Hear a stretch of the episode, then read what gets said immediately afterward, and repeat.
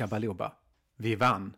Sverige vann Eurovisionsschlagerfestivalen och det svenska folket firar på gatorna. Barnen binder kransar och dansar i nationalistisk yra. Och Finland kanske fick NATO, men vi fick ta med fan den viktigaste segern av alla möjliga segrar. Ta det Finland! Medan Finland sörjer i sina saunor och slipar sina knivar och funderar på om det inte går en Gesson på tusen sjöar så bockar Sverige av ytterligare en seger och tronar inte längre på minnen från fornstora dagar när ABBA flög över jorden. Nej, vår tid är nu. Jag är Nils Karlsson och det här är podden Världens bästa poplåt om världens bästa poplåt och nej, det är inte ABBA det handlar om men väldigt, väldigt nära. Bli Patreon på Patreon eller bara tipsa dina kompisar om att det här är podden för dem. Vad är viktigare än musik liksom? Inget. Musik är det bästa som finns och den här omgången handlar om coverlåtar, låtar som kommer till sin fulla rätt eller en annorlunda rätt i en annan än originalartistens händer.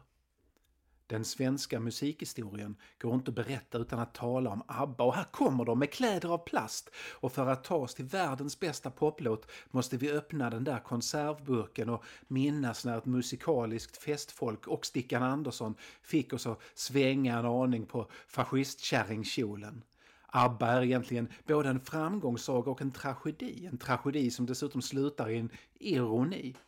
På 1970-talet fanns det egentligen bara två populärmusikaliska projekt som gjorde musik med den där tidlösa internationella kvaliteten. ABBA och Nationalteatern. Hade Ulf Dageby varit amerikan så hade han idag räknats som en av de där stora gubbarna som fick sitt genombrott då. En Bruce Springsteen eller en Neil Young. En av de stora. ABBA siktade mot de internationella scenerna direkt men Dageby siktade istället på fritidsgårdar i Göteborgs utkanter. När ABBA vann EM i popmusik 1974 och nästa mästerskap skulle arrangeras här i Sverige väcktes en ilska över den kommersiella musikens framfart och ilskan blev till en storm och stormen landade som så vanligt på den tiden på TV2 där en alternativ slagerfestival hölls. Dageby framträdde som sillstryparen och sjöng elakt om ABBA. Mycket, mycket elakt. ABBA beskrivs som lika döda som sillkonserver. ABBA var bättre än så. Musikaliskt unika karvade de popguld genom att blanda disco med folkmusik och rock'n'roll och det fanns inget dött i musiken. Men nu står de där som hologram i London, konserverade, lika döda som sillkonserver. Så kan det gå. Tragedin med ABBA är inte att de slutade som utställningsobjekt för kroniska nostalgiker utan att deras framgång i princip utplånade Agneta Fältskogs utveckling som låtskrivare. När ABBA drog igång var Fältskog den i bandet som haft flest hitlåtar, sålt mest skivor och var den mest kända av dem. Hon var dragplåstret, inte bara som sångerska och den med störst förmåga att uttrycka sig snabbt och citerbart i media, den som gick genom rutan som man säger. Nej, hennes röst var känd, omedelbart igenkännbar. Visst, Frida visste man vem hon var efter alla framträdanden på Hylands hörna och i Melodifestivalen 1969. Men det var Agneta som var grejen. Hennes första insjungna låt, Jag är så kär, skrev hon som 14-åring och den öppnade alla musikaliska dörrar i landet för henne. Hon klev in någonstans bland alla dessa dörrar och där träffade hon Björn Ulvaeus som hon förälskade sig i och visst, han var stjärna efter Hootenanny Singers men han var ännu inte den briljanta låtskrivare han skulle bli. På Björn och Bennys skiva Lycka, den första de gör tillsammans efter att ha slutat i sina respektive band, Benny Andersson från sitt Hepstars är både Agneta och Frida med och sjunger stämmor om skäggiga damer och dvärgar och clowner men de står bakom männen. Deras röster vill inte gömma sig dock. De tar plats. Andersson förlovar sig med Lyngstad och Ulveus med Fältskog. De blir festfolket som sedan Ring ring ringer oss till Agneta, Benny, Björn och Annifrid 1973 i Melodifestivalen men kommer bara tvåa eftersom ingen kunde motstå Monica och Karl-Axel Dominiks melodi Sommaren som aldrig säger nej med Lars Forssells sångtext med ornitologiska observationer om kvinnors anatomi som främsta egenskap. 1974 är de älskande paren Andersson och Lyngstad och Fältskog och Ulvaeus tillbaka. Den här gången har de satsat allt och skivbolaget Polar har satsat allt och de visste att de hade en internationell framgång i sina händer bara de vann den där jävla Eurovision Song Contest och fick sjunga finalen på engelska i direktsändning för Europas miljoner pophungriga tittare. På den tiden fick man bara tävla på hemspråk och inga jävla tittarröster, bara jury. Sug på den Finland, sug på den. Rätt låt vann. Waterloo är och var den perfekta Eurovisionsschlagerfestivallåten. Björn och Benny hade slitit med musiken hela året efter att Ring Ring inte vann Melodifestivalen. Filat och putsat och rättat för att det inte skulle finnas någonting som inte länderna skulle fastna för. Musiken var både traditionell slager och en direktflört med den brittiska glamrocken för Sverige både i och genom tiden. Stickan skrev texten på en svenska som lät sig sjunga så att den lät på engelska och orden smälte ändå ihop i Abbas version av Phil Spectors Wall of Sound. Waterloo är en plats som kunde sjungas både på engelska utan att vara engelska och 1974 hade folk fortfarande ett hum om kontinentens historia och visste både vem Napoleon varit och att han fick stryk vid Waterloo och Trafalgar. De svenska jurygrupper som avgjorde Melodifestivalen 1974 kunde inte motstå ABBA. 1974 var första året sedan 1969 festivalen avgjordes med regionala jurygrupper. De fyra senaste åren hade en expertgrupp i Stockholm korat vinnaren. Men det här var hela Sveriges festival och Waterloo blev hela Sveriges låt. Och den är nästan mer vår nationalsång än Du gamla, du fria, som ju i och för sig inte är officiell nationalsång den heller. Den bara behandlas så för att ingen orkar gå tillbaks och kolla protokollen. Och Waterloo är ju bättre. Att möta sitt Waterloo är att förlora, men ABBA förlorade inte. Efter Waterloo fanns det ingen återvändo. I triumf sjunger ABBA efter att ha tagit storslam på poängen, Waterloo på engelska och Agneta strålar från tv-rutan. Men i efterhand kan man se det som att hennes vinst är vår förlust. I think that I win when I lose. Och visst vann du Agneta. Men du fick bara vara med och skriva två låtar med ABBA. Stickan tyckte inte dina lätt sorgsna melodier passade och ingen var där för att ta strid för dem. Trist, för du var bäst. Du var faktiskt bäst. Waterloo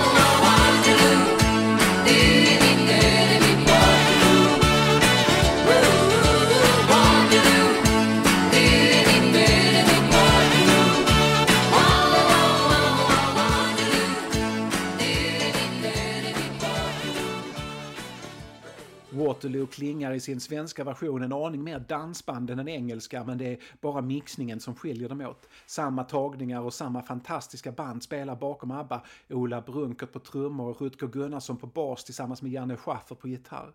De fyra i ABBA var såklart genier men det går inte att överskatta den betydelse som Brunkert och Gunnarsson hade för deras musik.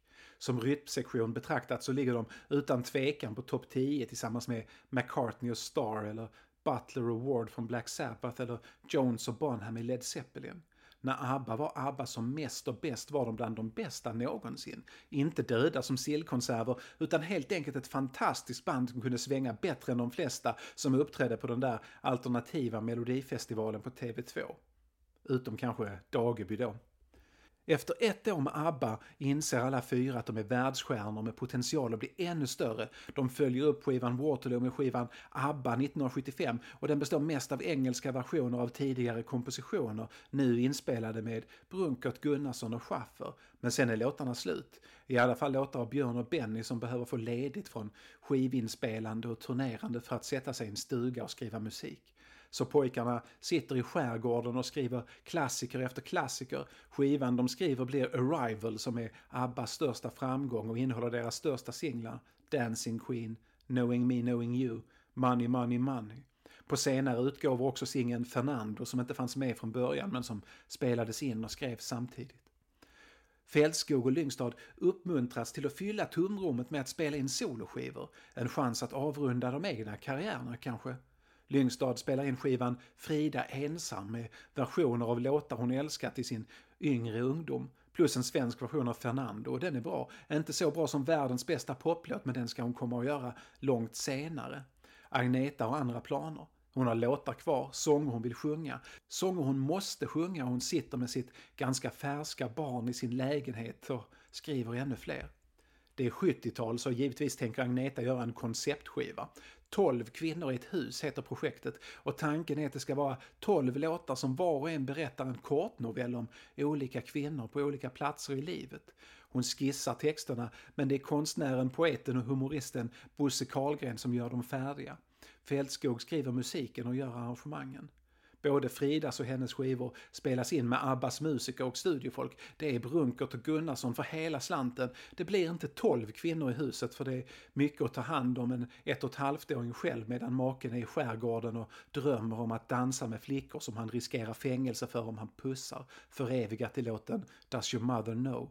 Det blir tio kvinnor, elva om man räknar med SOS som Stickan skrivit en svensk text till och vill ha upp på Svensktoppen. Elva kvinnor i ett hus är en närmast perfekt skiva. Med Tack för en underbar vanlig dag har Fältskog en regelrätt svensk klassiker och på övriga låtar tänjer hon gränserna för vad en kvinna får och kan sjunga om 1975.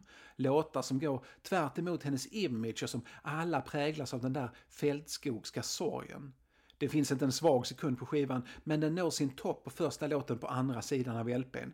Hur kan Andersson, Andersson och Ulvaeus inte ha insett att Doktorn är en ABBA-låt innerst inne? Den är överlägsen de flesta av ABBAs utfyllnadslåtar på LP-skivorna. Kom igen pojkar, det här är ju en hit!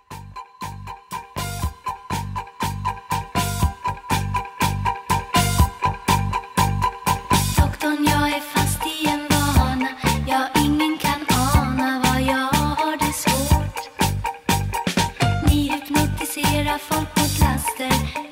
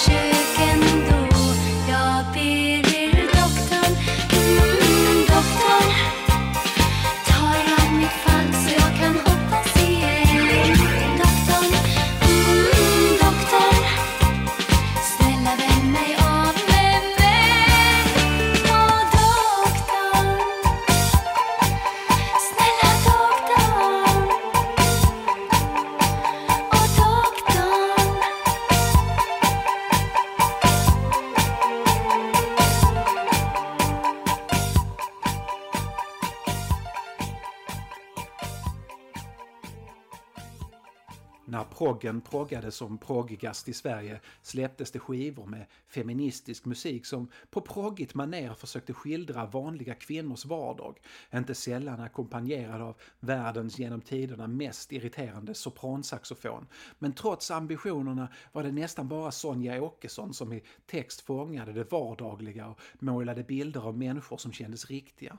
De andra låtarna var antingen helt nedtyngda av teori eller skildrade de redan revolutionära eller de utbildade intellektuella. Sonja Åkesson är såklart en poet i världsklass och en feminist som levde snarare än gick upp i teori. Ohotad etta som textförfattare. På andra plats i genren porträtt av kvinnor i 70-talets Sverige kommer Agneta Fältskogs skiva 11 kvinnor i ett hus. Den är inte politisk på samma sätt men den är politisk. Fältskogs och Karlgrens kvinnoporträtt är ett stort jävla fuck you till den manliga blicken och det manliga perspektivet trots att det är Stickan Anderssons skivbolag och kläder av plast och att båda de stora kvällstidningarna på fullaste allvar hade publicerat reportage om hur Agneta Fältskogs rumpa sett ut i de nya jeansen. Fältskog visste allt om den manliga blicken. Hennes skiva kan ses som en kritik av den, men det är det utan att klä det i teori. Den skiva Frida gjorde, Frida ensam, var inte nytänkande alls i jämförelse. Men allt kan ju inte vara det och Lyngstad sjöng fantastiskt, som alltid. ABBA abbade vidare som abbigast medan proggen dog ut. Musiken blev mer och mer komplex och slagerfestivalen historia. Festfolket gifte sig, skaffade barn, tröttnade, blev jättevuxna och allvarliga och precis som Fleetwood Mac bearbetade de sina äktenskapliga bekymmer i låtar men i ABBA var det Björn och Benny som skrev och Agneta och Frida som sjöng. I Fleetwood Mac fick alla sidor berätta, men ABBA slutade i någon sorts total känslomisär där kvinnorna fick sjunga popmusik om hur deras män lämnar dem. The Visitors från 1981 är nattsvart och kompromisslös och långt, långt, långt ifrån den uppsluppna musiken från Abbas barndom. Man kan säga mycket om Abbas kommersialism och om hur de följde trender snarare än skapade dem. Men 1981 var det inte bara gamla punkare som följde de nya vågorna in i new wave mest framgångsrik och bäst. Visst, Reeperbahn hade fingret på pulsen och Imperiet skulle karva ut sin egen nisch i svensk popmentalitet något senare men The Visitors är Sveriges enda new wave eller syntpopskiva som håller internationell klass. Med The Visitors håller ABBA jämna steg med popscenen i London, i New York, överallt. Sen dog bandet i skilsmässa och musikalambitioner. Titelspåret sjungs av Frida till tunga syntar och det finns inget ljus i sikte. Det enastående och den sorg hon bär på hörs i varje andetag.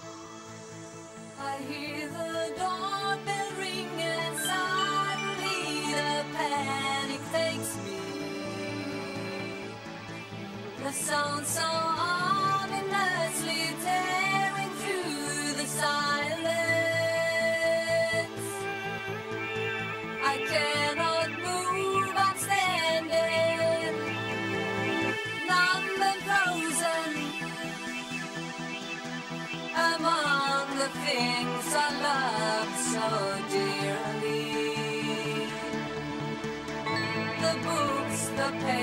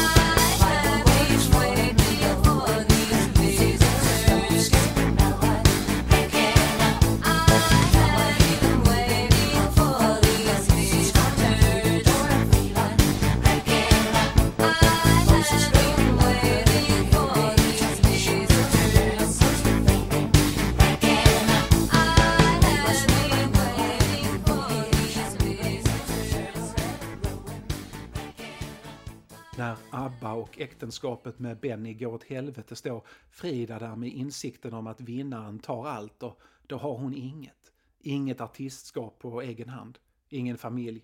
Hon har pengar, pengar och tid men ingen att prata med. Men någonstans i det där mörkret trummar sig en röst in till henne och hon inser att hon inte är ensam med känslan av att allt bara rämnar när kärleken dör och det inte finns någonstans att göra av vreden, saknaden och det som ibland bara kan beskrivas som hat. Någon som visar att man kan hata den man älskar och älska honom samtidigt och hata den han är med. Någon som delar känslan av att om den nya drunknar så skulle hon inte hjälpa henne. Well if you told me you were drowning I would not lend a hand. Annefrid Lyngstad lyssnar på Phil Collins Face Value om och om igen i flera månader. Hon känner igen sig i orden. Collins skiva skildrar utan att vara en medveten konceptskiva hur hans fru glider ifrån honom och till någon annan och hur han inser att det inte är lönt. Att det inte finns något lyckligt slut. Att han kan känna det in the air tonight. Collins sjunger naket och till minimalistisk instrumentering. Tvärtom hur det brukar vara i hans ordinarie poporkester Genesis. De träffas i Stockholm när Collins spelar in i Stickan Anderssons Polarstudio, då en av världens mest avancerade och känd för sitt unika ljud, och de ser varandra i varandra. De är på samma plats i livet sent 1981 ensamma, mest kända från ett band där de inte varit särskilt inblandade i låtskrivandet, barn de inte får träffa så ofta de vill men som de längtar efter hela tiden. Ja, de längtar efter barnen så att det ibland gör fruktansvärt ont. Collins beundrar ABBA och vet vilken sångröst Frida sitter inne med. Han erbjuder sig att producera henne om hon vill göra en soloskiva och det vill hon. Det är win-win på många sätt eftersom Collins verkligen vill lära sig det där med att producera skivor. Det är bara det att Frida inte skriver låtar. Lyngstad och Collins gör upp planer för en skiva som ska låta kompromisslös, hård och modern samtidigt som den inte tappar popkvaliteter. Collins ville experimentera med det speciella trumljud han och Peter Gabriel utvecklat. Ett ljud som man utan att överdriva kan säga kom att bli 80-talets signaturljud. Och även ta över det dissonanta gitarrspelandet som Genesis börjat lita på ska bära deras musik. De gör några försök och Frida älskar hur det låter. Inte alls som ABBA, något helt nytt, något eget. Det var bara det där med låtarna. Hon och Collins pratar först om att beställa låtar från professionella låtskrivare men landar snart i att de vill använda sig av låtar som redan testats men inte nått någon större publik. De pratar om vad de lyssnat på de senaste 15 åren. Till varandras stora överraskningar inser de att de har väldigt lika musiksmak. Båda älskade tysk disco till exempel. Båda älskade Roxy Music. Där fanns låtar att plocka. Stickan Andersson bad dem att överväga att möjligen kunna tänka sig ett samtal om att göra något med en låt från Thomas Ledins engelskspråkiga försök. Det gick bra. Under de där samtalen om musik började de prata om artister som förtjänade större framgång än de fått. Och det är ju många. Och efter ett tag insåg de att de båda hade det engelska bandet Argents singel Hold Your Head Up bland sina favoriter från tidigt 1970-tal. Argent, ett namn som bandets keyboardist Rod Argent kommit på på något konstigt sätt, hade rört sig i den konstnärliga progrockens, inte att blanda ihop med proggens, utkanter.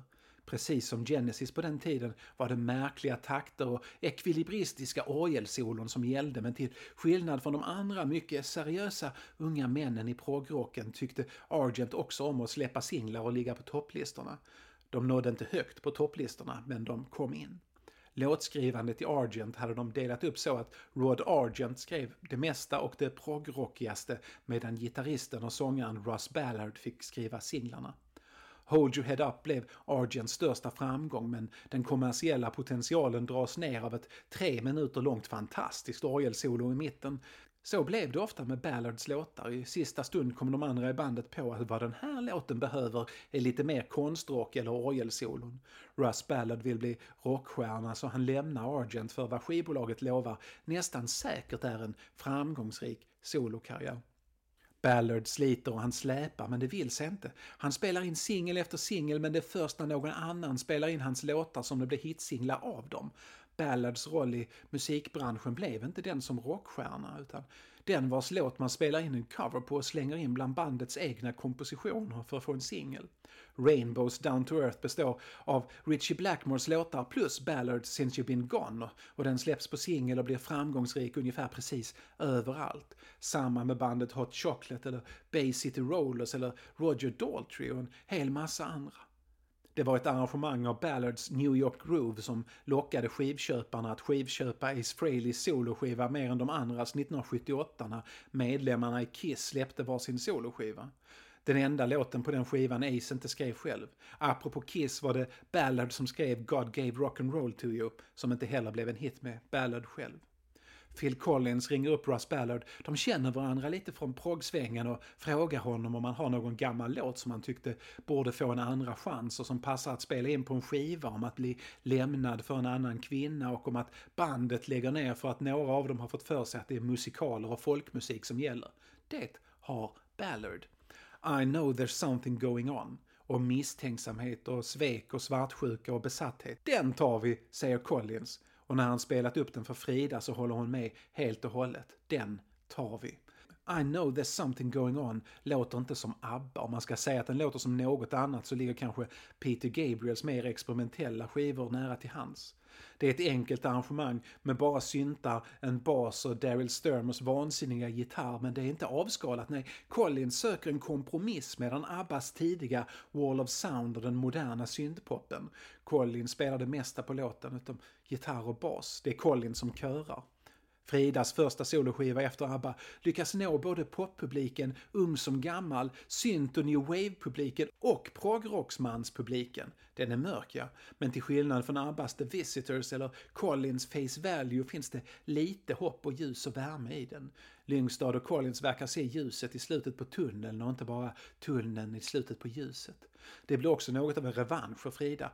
Hon var inte osynlig i ABBA, men när ABBA dog så var hon den som minst antogs kunna ha ett popliv på egen hand.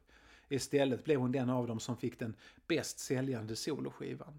Björn och Bennys Chess sålde bra och tillsammans med musikalen drog den in mer pengar men vad det gäller popmusik och listplaceringar är Fridas Something Going On, som LPn kom att heta, den som nått störst publik och sålt mest singlar. Det är den värd för det är en skiva där precis allting stämmer.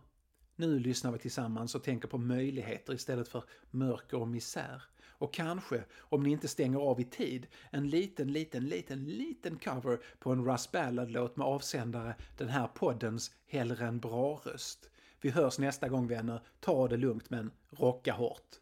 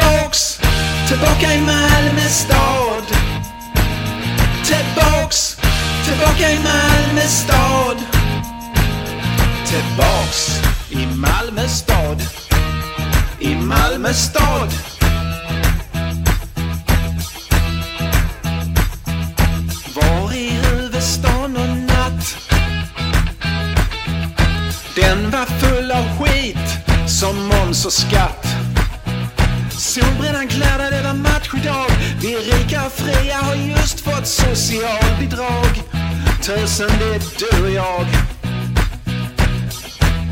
Sätt dig ner, jag har redan beställt. Och tänk om isen ändå bara brustit 1658. Över stora bält. Tillbaks! Tillbaka i Malmö stad. Tillbaks! Tillbaka i Malmö stad. Tillbaks! Tillbaka i Malmö stad. Tillbaks i Malmö stad.